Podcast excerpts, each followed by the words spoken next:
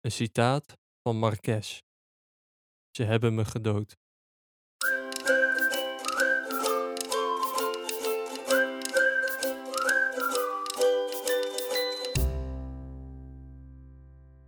Welkom, leuk dat je luistert naar deze zestiende aflevering van de Wereld en Literatuur.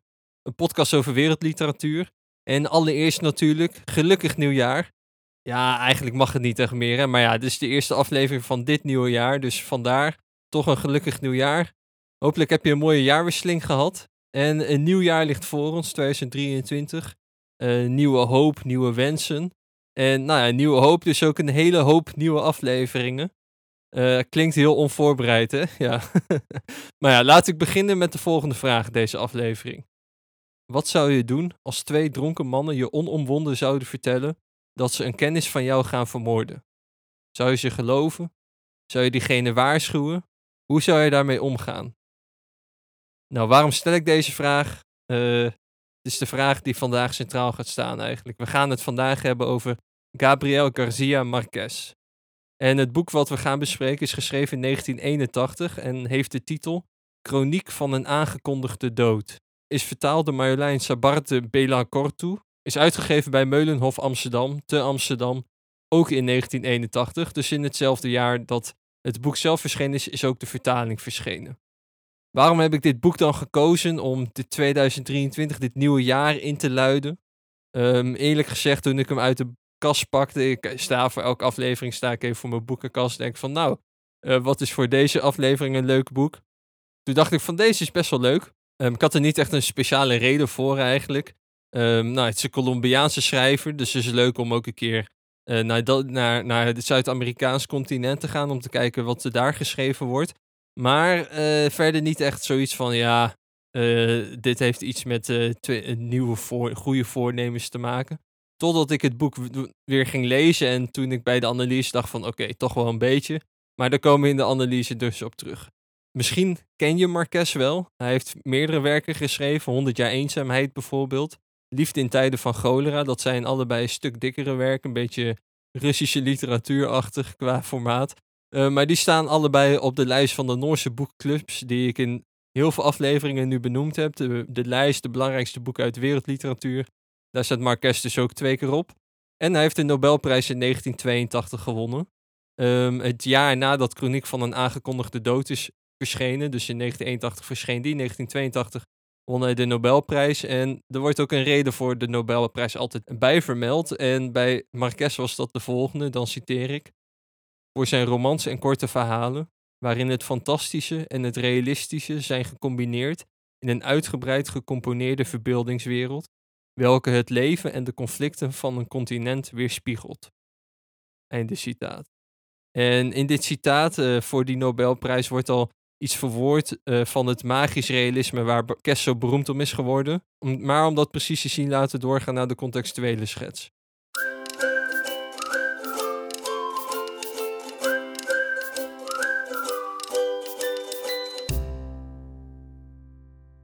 Oké, dus in deze aflevering bespreken we Chroniek van een aangekondigde dood. En die gaat over de dood van Santiago Nassar. En is gebaseerd op een waar gebeurd verhaal. Uh, dit verhaal komt uit Sucre in Bolivia. In 1951 zou dit gebeurd zijn. En Marquez heeft dit verhaal in zijn jeugd ook meegekregen.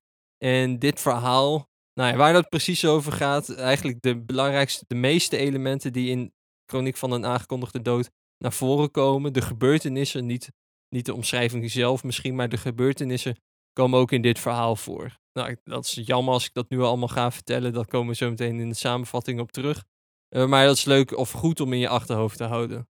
Wie was Gabriel Garcia Marquez zelf dan? Hij werd geboren in 1927 in Aracataca in Colombia. En is daar uitgegroeid tot een, uh, een held van de, van de natie eigenlijk.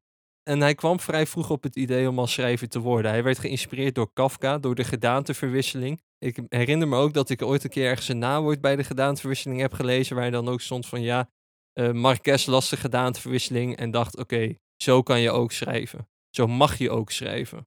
Want als je als schrijver gaat schrijven, heb je allemaal beelden van wat het zou moeten zijn, hoe je zou moeten schrijven. En dan kan het heel verademend zijn als een schrijver dan voordoet hoe je zou kunnen schrijven. En dat het toch een hele unieke manier is. En dat is zeker zo bij de gedaanteverwisseling.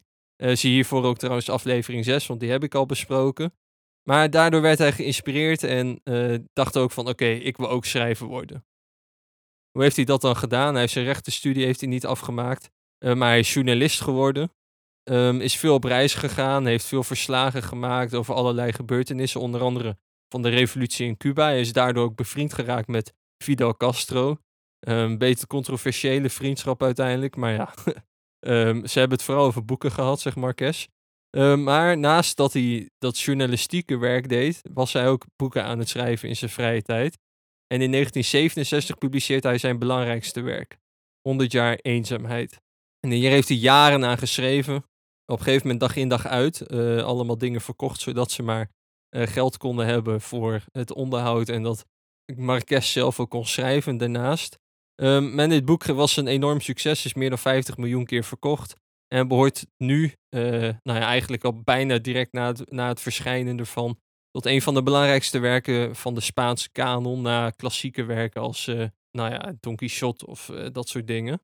Maar in dit werk, in 100 jaar eenzaamheid, komt eigenlijk dat idee van magisch realisme al terug. En wat we in dit werk, wat we vandaag gaan bespreken, Chroniek van een aangekondigde dood, ook terug gaan zien. En het magisch realisme, een kleine achtergrond daarvan, is een exponent van het surrealisme. Wat een kunststroming is die we misschien ook wel kennen van na de Eerste Wereldoorlog. En daar wordt er geprobeerd een soort van droomwereld onder een soort van Freudiaanse invloeden, een droomwereld samen te brengen met de werkelijkheid. Dus de werkelijkheid krijgt een soort van dromerig karakter daarmee. En het wordt niet helemaal duidelijk meer of we feit en fictie van elkaar kunnen scheiden. En om een voorbeeld daarvan te geven, uh, denk bijvoorbeeld aan de smeltende klokken van Dali. Wat een voorbeeld is van een surrealistisch werk. Er worden smeltende klokken eigenlijk in een soort van reëel landschap geplaatst. En daardoor vervaagt dus juist dat onderscheid tussen werkelijkheid en dromen. En dat werpt allemaal vragen op. Bijvoorbeeld, ervaren wij tijd wel lineair?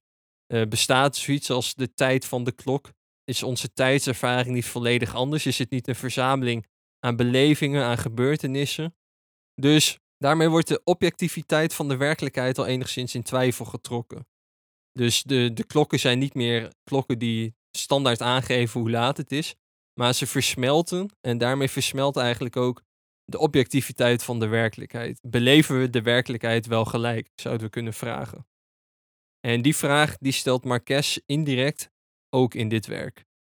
Dus bij Marques zien we dat, dat in twijfel trekken van objectiviteit, op een bepaalde manier dromen in het verhaal verwerken, dat zien we heel duidelijk terugkomen. Bijvoorbeeld in Chroniek van een aangekondigde dood is het heel onduidelijk of het op een bepaald moment regende in het verhaal of niet. En de een zegt ja, het regende wel, en de ander zegt ja, het regent niet. Uh, het is uiteindelijk een navertelling, twintig jaar later of zo na de gebeurtenis. Uh, komt er een journalist en die gaat dan iedereen interviewen en zo. En de ene zegt dus het regende wel, de ander niet. Um, dat daarmee ook al een soort van uh, de zekerheid van objectiviteit van de werkelijkheid ondermijnd wordt. Iedereen heeft het op dat moment anders beleefd. De een zegt dat de zon straalde, de ander zegt dat het regende. En is er een middel om dat objectief dan vast te stellen? Ook als we genoeg feiten in handen hebben, hebben we toch niet altijd uitsluitsel. En dat is een van de belangrijkste thema's van een chroniek van een aangekondigde dood. Maar daar gaan we ook in de analyse op terugkomen. Misschien om nog een beetje een voorbeeld te geven van het magisch realisme, waarbij de realiteit dus een magische tint krijgt bij uh, Marquez. Twee citaten uit, uit de roman, of de novelle eigenlijk, om dat te illustreren. En dit staat dan op de allereerste pagina, na de allereerste zin. Uh, die ga ik zo meteen in een samenvatting voorlezen. Maar die wordt gevolgd door deze zin. En dan wordt er direct al een droom in het verhaal gevoegd. Hij had gedroomd dat hij door een vijgenbomenbos liep, waar een zacht regentje viel. En in zijn droom was hij heel even gelukkig. Maar toen hij wakker werd, had hij het gevoel dat hij totaal onder de vogelpoepspetters zat. Einde citaat. Dus je ziet hier al dat spel van ja, vogelpoepspetters, dat idee had hij, was dat dan daadwerkelijk zo? Ja, nee, niet echt, maar toch, het soort van, die droom heeft toch een bepaalde werkelijkheid. Uh, het, heeft ook een bepaalde invloed op zijn gemoedstoestand. Um, en uh, bij hem, dit zie je misschien nog beetje terugkomen, hoe Marquez uiteindelijk een prostituee omschrijft in dit verhaal. Um, want dat doet hij ook op een wonderbaarlijke manier. En dat gaat als volgt. Maria Alejandrina Cervantes, van wie wij zeiden dat je een keer met haar moest slapen en dan sterven, was de meest elegante en zachte vrouw die ik ooit heb gekend en in bed de meest gedienstige, maar ook de strengste. Ze was hier geboren en getogen en ze woonde in een huis met deuren die altijd open stonden. Een aantal huurkamers en een enorme binnenplaats waar gedanst werd en waar lampionnen hingen uit de Chinese bazaars in Paramaribo. Einde citaat. Dus de deuren staan altijd open. Eigenlijk is dat een soort van de manier uh, om aan te geven dat het hier om een prostituee gaat. En dat is een beetje de marques die we doorheen het verhaal zien. Dus de realiteit die toch een beetje een magisch tintje krijgt. Oh, sowieso het hele verhaal heeft een soort van magisch tintje, want je kan je afvragen van ja, kan het echt zo zijn dat het zo gaat? Maar daar komen in de samenvatting en de analyse op terug, dus laten we snel doorgaan naar het verhaal zelf.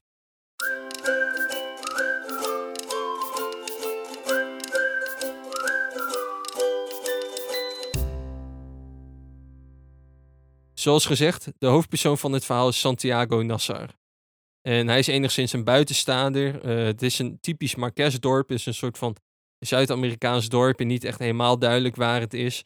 Um, maar dat is een dorp waar men elkaar kent. Niet al te groot. Het is niet echt een stad of zo. Maar dorpjes, mensen kennen elkaar. Hebben onderling conflicten ook met elkaar. Uh, maar gaan toch op een bepaalde manier met elkaar om. Er is natuurlijk een priester. Uh, er is een kerk. Dat soort dingen.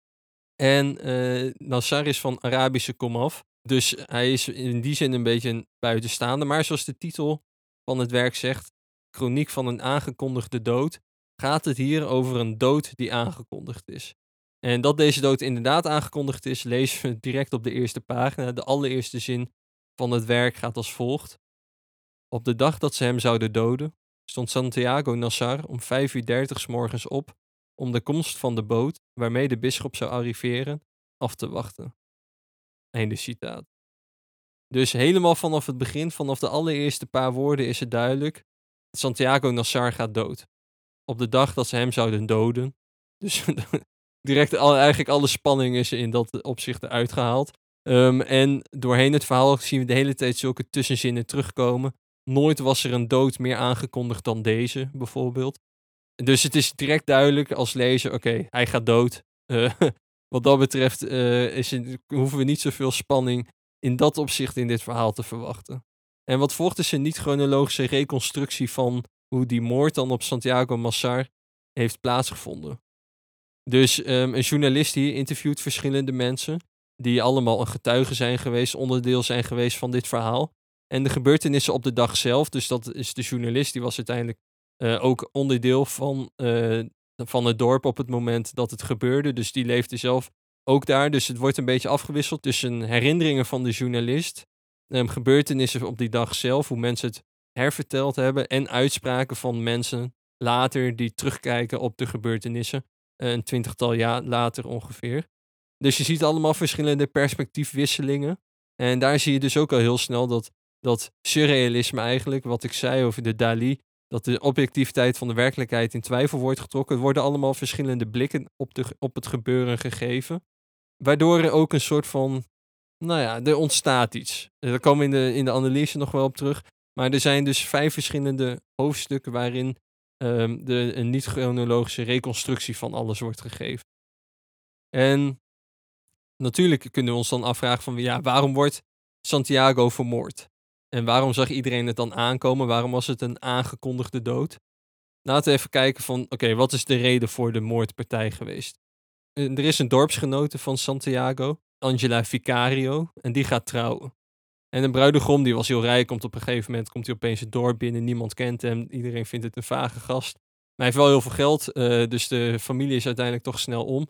Um, maar de bruidegom ontdekt op de huwelijksnacht dat Angela geen maagd meer is wat een schande is in dat dorp. En brengt haar terug naar haar ouders. Dus midden in de nacht komt hij weer terug met haar.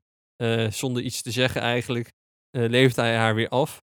En de broers van Angela, de gebroeders Vicario, die zien haar terugkomen en die ontsteken in woede. Uh, en dat is een heel belangrijk stukje. Ik zal dit even citeren. Vooruit, meisje, zei hij trillend van woede. En hij is dan een van die broers. Vertel ons wie het geweest is. Ze aarzelde nauwelijks langer dan de tijd die ze nodig had om de naam uit te spreken. Ze zocht hem in de schemering. Ze vond hem op het eerste gezicht te midden van de talloze en talloze verwisselbare namen in deze en in de andere wereld. En ze nagelde hem met een trefzekere spies in de muur, als een willoze vlinder wiens vonnis altijd al geschreven heeft gestaan. Santiago Nassar, zei ze. Einde citaat. Dus hiermee zegt Angela dus dat Santiago Nassar de schuldige is. Degene die is geweest die haar ontmaagd heeft en die de, voor deze schande heeft gezorgd eigenlijk. Wat doen de broers die besluiten om Santiago te vermoorden? En ze lopen rond met messen, ze gaan messen slijpen. Ehm, het is al vrij snel heel duidelijk dat zij Santiago gaan vermoorden. Ehm, maar de meeste mensen die doen het af als onzin. Van ja, ze zijn nog een beetje dronken van het bruiloftsfeest. Het gebeurt allemaal na de bruiloft van meerdere dagen. Uh, waar ze allemaal veel gedronken hebben, gebeurt dit allemaal. Dus ze, ze doen het een beetje af als dronkenmanspraat. Um, en toch waarschuwt niemand Nassar. En we lezen dan het volgende stukje. Niemand vroeg zich zelfs maar af of Santiago Nassar was gewaarschuwd, want niemand kon zich voorstellen dat dit niet was gebeurd. Einde citaat. Dus uiteindelijk waarschuwt niemand Santiago, um, want ze denken allemaal, ja, iemand anders heeft het wel gedaan. En Santiago loopt niets vermoedend rond de hele tijd. Uh, die gaat naar de bisschop, die komt aan met een boot. Um, en hij haalt alleen wat uh, hanen mee en voor de rest komt hij niet aan wal. Misschien ook een impliciete kritiek daar op de kerk de eetlust van de bisschop, die niet eens uh, aan een voet aan wal bij de arme mensen wil zetten. Dat terzijde, de Santiago loopt dus niets vermoedend rond. En de gebroeders Vicario, die hem willen vermoorden, wachten in een melkwinkel. En dan lezen we het volgende, waar het weer heel duidelijk is dus dat uh, ze wachten op Santiago. De enige zaak die open was op het plein, was een melkwinkel naast de kerk, waar de twee mannen op Santiago Nazar zaten te wachten om hem te doden. Einde citaat. Dus het is al de hele tijd duidelijk, ze gaan hem doden en ze zitten in de melkwinkel. Iedereen weet dat. En wat doen dan de mensen? Nou, in plaats van naar Santiago te gaan, uh, willen ze wel eigenlijk met hun eigen ogen wel zien wat er precies staat te gebeuren. Dus dan lezen we het volgende. En ondertussen kwamen er zogenaamde klanten binnen. Die melk kochten die ze niet nodig hadden. En die om etenswaren vroegen die niet bestonden. Alleen maar om te zien of het waar was dat ze op Santiago Nassar zaten te wachten om hem te doden. Einde citaat. Dus wat doen de, wat doen de mensen uit het dorp? Uh, in plaats van het te proberen te voorkomen, gaan ze kijken, uh, zitten ze er echt te wachten? Uh, zitten de gebroeders Vicaro echt met hun missen daar klaar totdat Santiago een keer langskomt? ze proberen allemaal smoesjes te verzinnen om getuige te kunnen zijn. dus uiteindelijk weet eigenlijk iedereen wat er staat te gebeuren, maar niemand grijpt in. En helemaal op het laatste moment, als het eigenlijk al te laat is, dan wordt Santiago nog gewaarschuwd. Um, wordt gezegd van ja, ze gaan je, ze gaan je vermoorden, ga snel naar huis. Uh, maar ja, dan is het eigenlijk al te laat. En dan treedt het cruciale moment in, waarin eigenlijk dat naar voren komt dat het te laat is geweest en dat Santiago vermoord gaat worden. En dan lezen we, wat een wat langer citaat is, Santiago Nassar ging weg. De mensen hadden zich op het plein opgesteld als op dagen dat er optochten waren. Iedereen zag hem naar buiten komen en iedereen begreep dat hij nu wist dat ze hem gingen doden en dat hij zo in de war was dat hij de weg naar huis niet meer kon vinden. Van alle kanten begonnen ze tegen hem te schreeuwen. En Santiago Nassar liep een paar keer naar links en naar rechts, verdoofd door al die stemmen tegelijk. Einde citaat. Dus iedereen heeft zich verzameld op het plein, iedereen weet wat er staat te gebeuren. En plots gaan ze allemaal schreeuwen. Uh, Santiago waarschuwt, hey, je moet weggaan, bla bla bla. Maar je kan je voorstellen als er van alle kanten geschreeuwd wordt, dat dat niet echt verhelderend werkt.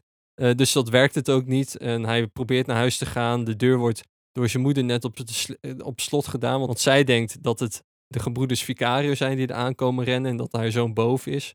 Maar ze doet dus de deur voor haar eigen zoon dicht. Nou, dat heeft ze dan niet door. Um, allemaal nou ja, een soort van toevallige samenloop, noodlottige samenloop van omstandigheden. En dan wordt Nassar gruwelijk vermoord die laatste paar bladzijden zijn heel goed geschreven, maar dat moet je zelf maar lezen. Maar de laatste woorden van Nassar, van Santiago Nassar, tegenover een dorpsgenoot van hem zijn: Ze hebben me gedood, kleine Wenen. Einde citaat. En daarmee eindigt het boek. Uh, wat dus een heel vreemd verhaal is uiteindelijk. Uh, vooral als ik het nu hervertel, merk ik dat het wel een vrij vreemd verhaal is. Maar we kunnen er wel heel veel van opsteken. Dus laten we snel doorgaan naar de analyse om te kijken wat we hiervan kunnen leren.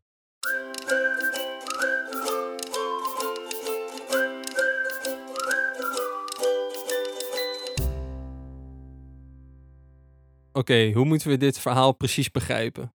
Dat is nu eh, een vraag die ik eigenlijk elke keer stel als we naar de analyse gaan, volgens mij. Eh, maar ja, eh, het is ook de belangrijkste vraag eigenlijk van de aflevering. Maar laat ik eerst een paar recensies van bol.com voorlezen voordat ik hier verder op inga. Het is wel grappig om te zien wat voor reacties er op zo'n verhaal als dit worden gegeven. Ik citeer een paar recensies. Ik zou het boek niet aanraden om te lezen. Ik lees graag spannende boeken en dat is dit boek helemaal niet. Ik vond het een saai boek, het is veel te moeilijk en te langdradig geschreven. Einde citaat. En een volgende recensie. Het enige positieve aan dit boek is dat het slechts 129 pagina's stelt en dus op een namiddag uitgelezen is. Einde citaat. En de laatste. Ik zou het verhaal absoluut geen echte aanrader kunnen noemen. Ik heb het niet met plezier gelezen. Einde citaat. Dus lang niet iedereen is even positief over dit verhaal. Waarom niet? Uh, misschien is er aan het begin al een beetje duidelijk van ja, de spanning wordt er wel een beetje uitgetrokken. Dat uh, Marquez al vanaf het begin al duidelijk maakt dat diegene ook daadwerkelijk vermoord gaat worden. Maar toch zit het juist ook het meestelijke van het verhaal, zit juist daarin. Uh, dat de spanning de, in dat opzicht wordt uitgehaald, maar er komt een nieuwe spanning voor in de plaats. De vraag is niet meer, gaat Nassar dood of niet? Wat eigenlijk een soort van klassiek, uh, klassieke roman zou worden, waarmee het ook misschien een beetje een afgezaagde roman zou zijn. Um, maar de vraag is, hoe heeft het zover kunnen komen dat Nassar dood is gegaan? Hoe kan een dood die iedereen zag aankomen niet voorkomen worden? Hoe heeft het zo kunnen lopen? Dat is alsnog de spanning die blijft bestaan. Dus de spanning wordt een hele andere spanning. Het wordt niet meer de spanning van nou, gaat hij dood of niet. Maar de spanning is de vraag eigenlijk naar de verantwoordelijkheid. En hierbij speelt, zoals gezegd, uh, kort in de samenvatting, de noodlotsgedachte een belangrijke rol. Uh, dat niemand echt ingrijpt, uh, dat het allemaal zo gaat, alsof het zou moeten gebeuren, alsof het al in de sterren stond geschreven, dat Santiago zou moeten worden vermoord. En in dat opzicht is Nassar, Santiago Nassar, een omgekeerde Oedipus. Heel veel verschillende facetten van het verhaal doen we aan de Griekse tragedie denken. En ik denk dat het ook wel bewust zo is gedaan. Oedipus die is naar het orakel gegaan, die wist van oké, uh, ik heb iets gedaan, maar hij vlucht, uh, gaat weg, uh, wilde niks mee te maken hebben. En bij Santiago is het tegenovergestelde het geval. Hij weet van niks en hij loopt in de val, terwijl iedereen het weet. Dus bij Oedipus weet eigenlijk niemand het echt, maar hij weet het zelf wel. op een gegeven moment, ja, een paar mensen weten het misschien, maar bij Santiago, die weet zelf helemaal niks. Uh, maar het noodlot heeft zich voor hem verborgen gehouden. En wanneer die dan tevoorschijn komt, dan is daar het tragische moment ook direct. Um, luister daarvoor ook aflevering 1 nog even terug. Maar bij Oedipus werpt dit een hele moeilijke vraag op, namelijk is hij schuldig aan zijn lot? Dus is hij zelf schuldig aan dat hij uiteindelijk nou ja, met zijn moeder naar bed is gegaan en zijn vader heeft vermoord? Is hij schuldig daaraan? Bij Santiago Nassar speelt dezelfde vraag een rol. Wie draagt de schuld voor zijn lot? Dus die vraag is ontzettend belangrijk hier. Is er iemand verantwoordelijk te houden? Kunnen we iemand in het verhaal aanwijzen die verantwoordelijk is voor wat er is gebeurd? Is er een middel om dit vast te stellen? Ja, dat is een beetje de vraag, de spanning die in dit verhaal centraal staat. En ook al hebben we de feiten in handen, um, dat, is een beetje dat surrealistische, um, dat ondermijnen van objectiviteit toch is er niet echt uitsluitsel. Dus aan de ene kant is het een soort van reconstructie. Maar toch wordt er niet echt een conclusie slash een, nou ja, een soort van uitsluitsel gegeven van dit is de schuldige, dit is de dader. Een reconstructie van het verleden, uh, zoals we in dit verhaal zien, is nooit volledig. De gebroken spiegel van het verleden kunnen we niet helen. En aan het begin van het boek, op de derde pagina, lezen we het volgende. En dat, dat borduurt dan voort op een vorige zin. Toen ik naar dit vergeten dorp was teruggekeerd om te proberen de talloze verspreid liggende splinters van de kapotte spiegel van de herinnering weer aan elkaar te passen. Einde citaat. En zo lijkt, net als dat die spiegel van herinnering, de spiegel van het nu, is gebroken in onze herinnering. In een, als wij nu naar het verleden terugkijken, wat toen heel was, is, is nu gebroken in allerlei verschillende stukjes. En probeer dan maar nog die stukjes aan elkaar te lijmen. Al helemaal als het een gebeurtenis betreft die heel veel mensen aangaat. En zo lijkt ook de schuldvraag bij Santiago Nassar versplinterd te zijn. En dat zien we heel duidelijk terugkomen in die laatste woorden van Santiago. Die heb ik gebruikt als een begincitaat. Heb ik net bij de samenvatting ook nog een keer terug laten komen. Maar hij zegt dus: Ze hebben me gedood. En merk dus op dat het hier over ze gaat. Ze hebben me gedood. Dus de vraag is hier: wie is verantwoordelijk? Wie is die ze? Wie kunnen we verantwoordelijk houden? En de eerste kun je natuurlijk zeggen van ja, de broeders Vicario, uh, die hebben hem natuurlijk vermoord. Dus ja, zij zijn niet gewoon de schuldigen. Um, zij zeggen bijvoorbeeld het volgende daarover. We hebben hem wel bewust gedood, maar we zijn onschuldig. Het was een erekwestie. Einde citaat. En nou ja, het, legitimeert dat dan de moordpartij dat het een eerwraak was? Um, zijn het de dorpelingen die niet ingrepen? Was het Angela Vicario zelf? die Nassar, die Santiago Nassar als schuldige aanwees. Ja, of er verder bewijs voor was dat hij het echt had gedaan. Misschien had ze wel iemand willekeurig uitgekozen, zoals dat citaat over de vlinder ook enigszins suggereerde. Zijn er de dorpelingen geweest die niet ingrepen, die dit hebben laten gebeuren, die Santiago niet hebben gewaarschuwd, die de gebroeders Vicario niet hun messen hebben ontnomen, uh, die het toelieten dat dit allemaal gebeurde? Wie is de schuldige? Nou ja, als je dan deze vraag stelt, dat is vaak zo met zulke vragen, dan zoeken mensen een middel om zich te verschuilen. En dan zien we bijvoorbeeld, dan lezen we het volgende in dit boek. Maar het grootste deel van de mensen die iets had kunnen doen om de misdaad te voorkomen, maar dat toch niet had gedaan, troostte zich met het vooroordeel dat erekwesties heilige monopolies zijn waar alleen de hoofdpersonen van het drama toegang toe hebben. Einde citaat. Dus mensen proberen een soort van verhaal te reconstrueren, een reden te geven, excuses aan te dragen, waar ze zich achter kunnen verschuilen wanneer zoiets plaatsvindt. Dus de dood is volledig aangekondigd, iedereen ziet hem aankomen, maar toch doet niemand iets. En hierbij voert Marques op meestelijke wijze verschillende psychologische verklaringen ten tonele. Hoe reageren we als we inderdaad met een aangekondigde dood te maken krijgen? Um, wat zijn de verschillende manieren waarop we zouden kunnen reageren? De een die doet het af als onzin. En dan lezen we bijvoorbeeld: um, Ik heb hem niet gewaarschuwd omdat ik dacht dat het dronkenmanspraatjes waren. Einde citaat. En misschien was dat ook wel de reactie die je zou geven als je dat, die vraag aan het begin die ik stelde zou krijgen. Wat zou je doen als twee dronken mannen je onomwonden zouden vertellen dat ze een kennis van jou gaan vermoorden? Dat je daar ook wel op zou reageren van ja, uh, ik dacht dat het dronkenmanspraat was, dus ik heb er niks mee gedaan. Wat op zich ook wel enigszins begrijpelijk is, dat is ook het probleem juist um, in dit verhaal, dat enigszins elke keer toch ook wel weer begrijpelijk is dat iemand zo gereageerd heeft. Maar toch heeft het tot een bepaald noodlot geleid en waarvan je zegt, dit had nooit mogen gebeuren. Dus dat is één manier van reageren, die het afdoen als onzin. En de ander zegt dan bijvoorbeeld dat het geen verschil uitmaakt ik had hem kunnen waarschuwen, ik had hem niet kunnen waarschuwen, wat maakt het uit? Uh, het was toch al gebeurd, dat is een beetje wat de gebroeders Vicario ook zeggen. Hij was al dood, het was hem nog niet altijd vermoord, maar nou ja, hij was in hun hoofd, hadden ze hem al vermoord. En een derde zegt dan meer onderzoek te willen doen. Ja, gaan ze dat echt wel doen? Uh, laten we eerst even kijken of ze dat wel daadwerkelijk van plan zijn. Maar ja, dan is het natuurlijk al te laat. Uh, dus er zijn allemaal verschillende motiveringen om niet te handelen.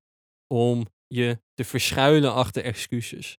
En wat gebeurt er dan in het samenleven? Dat is misschien een van de belangrijkste vragen die dit opwerpt. Wat gebeurt er dan als we gaan samenleven in een gemeenschap? Wat gebeurt er dan als we de vraag naar verantwoordelijkheid stellen? Hier komt een heel belangrijk citaat uit het werk, gaat precies hierop in. Het was een dichte menigte.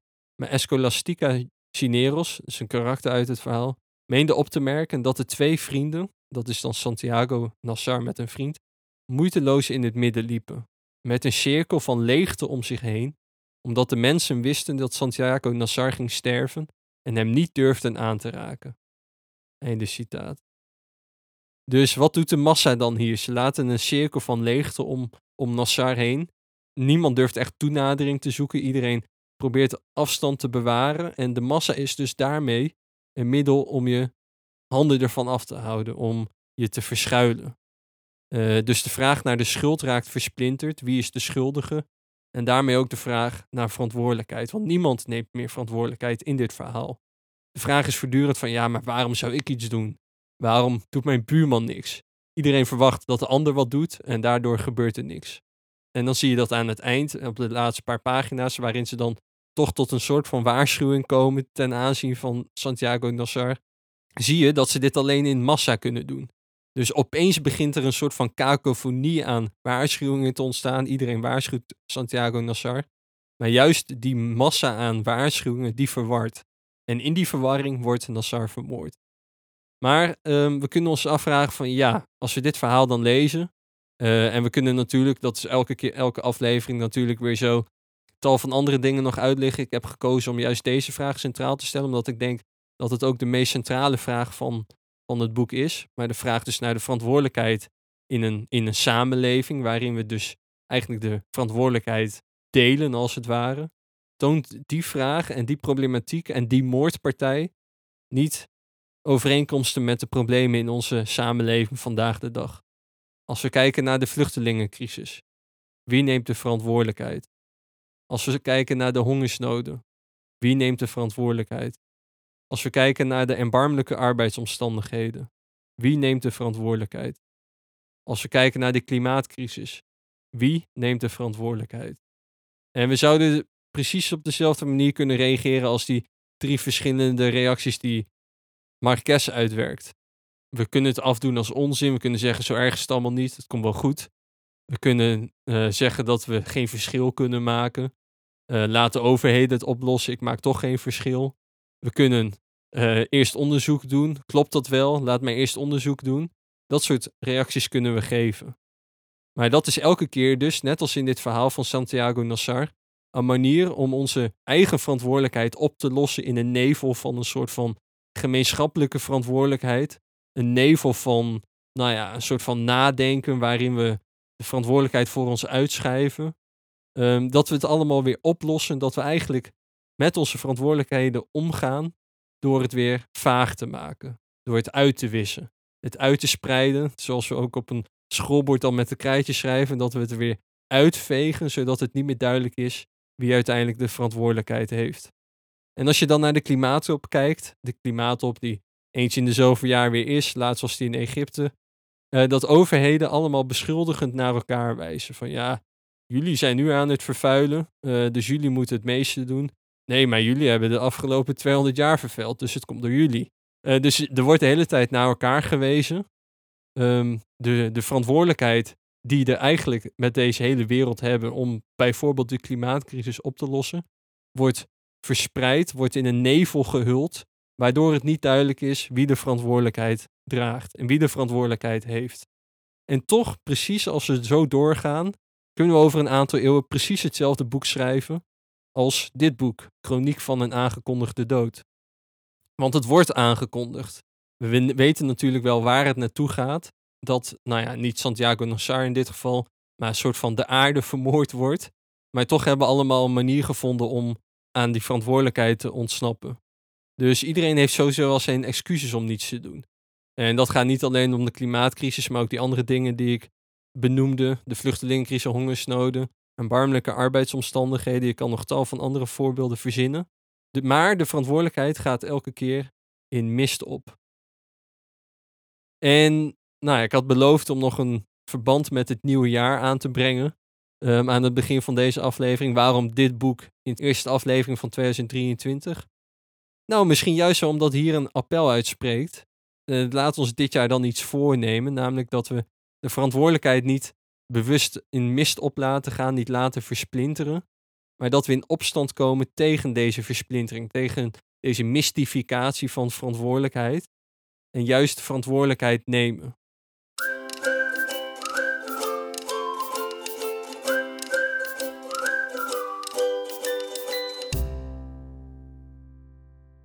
En is het daarmee een hoopvol verhaal? Misschien niet helemaal. Um, je kunt je ook afvragen of een verhaal altijd hoopvol moet zijn. Maar toch, ik luisterde laatst een andere podcast en daar ging het over de ketting van mensen. Die in Letland, Estland en Litouwen was. Uh, aan het einde van het uiteenvallen van de Sovjet-Unie natuurlijk, de Baltische Weg, zoals dat heet. Waarin er toch ook hoop bestaat. Dat mensen samen opstaan, samen een keten vormen. Um, dus het betekent ook niet per se dat je dan opeens als enige verantwoordelijkheid moet nemen. Dat jij degene dan bent die opstaat. Maar er is toch wel een eerste initiator, een beweging nodig om dat te laten ontstaan. En natuurlijk laat die ketting heel duidelijk zien dat het ook een gemeenschappelijk opstaan kan zijn uiteindelijk. En dat moet het ook zijn uiteindelijk, maar daar gaat altijd dat individuele verantwoordelijkheid nemen aan vooraf. Als die mensen daar hadden gezegd van ja, nou ja, uh, zo erg is het allemaal niet, uh, kom wel goed met die Sovjet-Unie of uh, laat de ander maar opstaan, ik ga dat niet doen of nou ja, laat me eerst even uitzoeken of het wel werkt. Als je dat soort dingen, als die mensen dat allemaal hadden bedacht van tevoren, dan waren ze niet gekomen. Maar juist iedereen heeft die individuele verantwoordelijkheid genomen. En is juist in dat samenkomen tot iets groters in staat geweest. Um, dus de vraag waarmee ik deze aflevering zou willen afsluiten is de volgende. Durf jij je verantwoordelijkheid te nemen? Oké, dat was het voor deze aflevering. Ik hoop dat je het een leuke aflevering vond. Dat je het verhaal kon volgen een beetje. Um, het is al lang geleden trouwens, bedenk ik me nu, dat ik een werk uit de Griekse oudheid heb besproken. Uh, dat ik toch altijd wel leuke werken vind. Maar ja, dat is uh, toch al wat afleveringen geleden. Maar het is ook leuk om juist zulke soort werken te bespreken. Um, maar toch een luistertip voor mensen die dat jammer vinden. Ik denk van ja, Griekse oudheid wil ik ook nog wel wat meer over weten of over horen. Dan heb ik uh, laatst een luisterboek van de Odyssee van Homerus gevonden. Zeker een aanraden, ontzettend leuk ingesproken, mooie muziek erachter. Um, heel leuk wederkerig citaatje die bijzonder goed nadacht. Nou, als je daarop gaat letten, is genieten geblazen. Dus uh, luister die vooral. Um, Odyssee van Homerus, ik zet hem in de show notes. En ook nog wel uh, wordt het weer tijd om binnenkort een boek te verloten voor mijn vrienden van de show. Dus dat ga ik de volgende aflevering ook doen. Dus wil je daar kans op maken, word vriend van de show voor 3 euro per maand. Help je mij enorm mee. Ga je voor naar vriendvandeshow.nl slash een wereld aan literatuur of klink op de link in de show notes. Um, je kan me ook volgen op Instagram, een wereld aan literatuur, een mailtje sturen naar een wereld aan. En uh, als laatste, deel deze aflevering vooral met vrienden, familie of anderen waarvan je denkt van, uh, laat hen ook hun verantwoordelijkheid nemen. En uh, tenslotte, laat een beoordeling achter in je favoriete podcast app. Dan ben ik beter vindbaar. En nou ja, dat is leuk voor mij om te zien of jullie het waarderen of niet. Dus doe dat ook vooral. En tot de volgende aflevering.